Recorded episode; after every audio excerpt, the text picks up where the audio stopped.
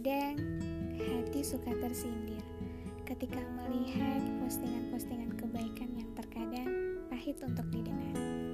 Namun, beruntunglah karena apa? Karena mungkin saja saat itu Allah tengah menyentuh hatimu dengan hidayahnya. Saat seseorang mengajakmu pada kebaikan, lantas kamu tersinggung. Lantas kamu merasa tak nyaman. Lantas kamu merasa memang melakukan itu. Maka bertindaklah segera agar Allah senantiasa menyentuh hatimu dengan hidayahnya sehingga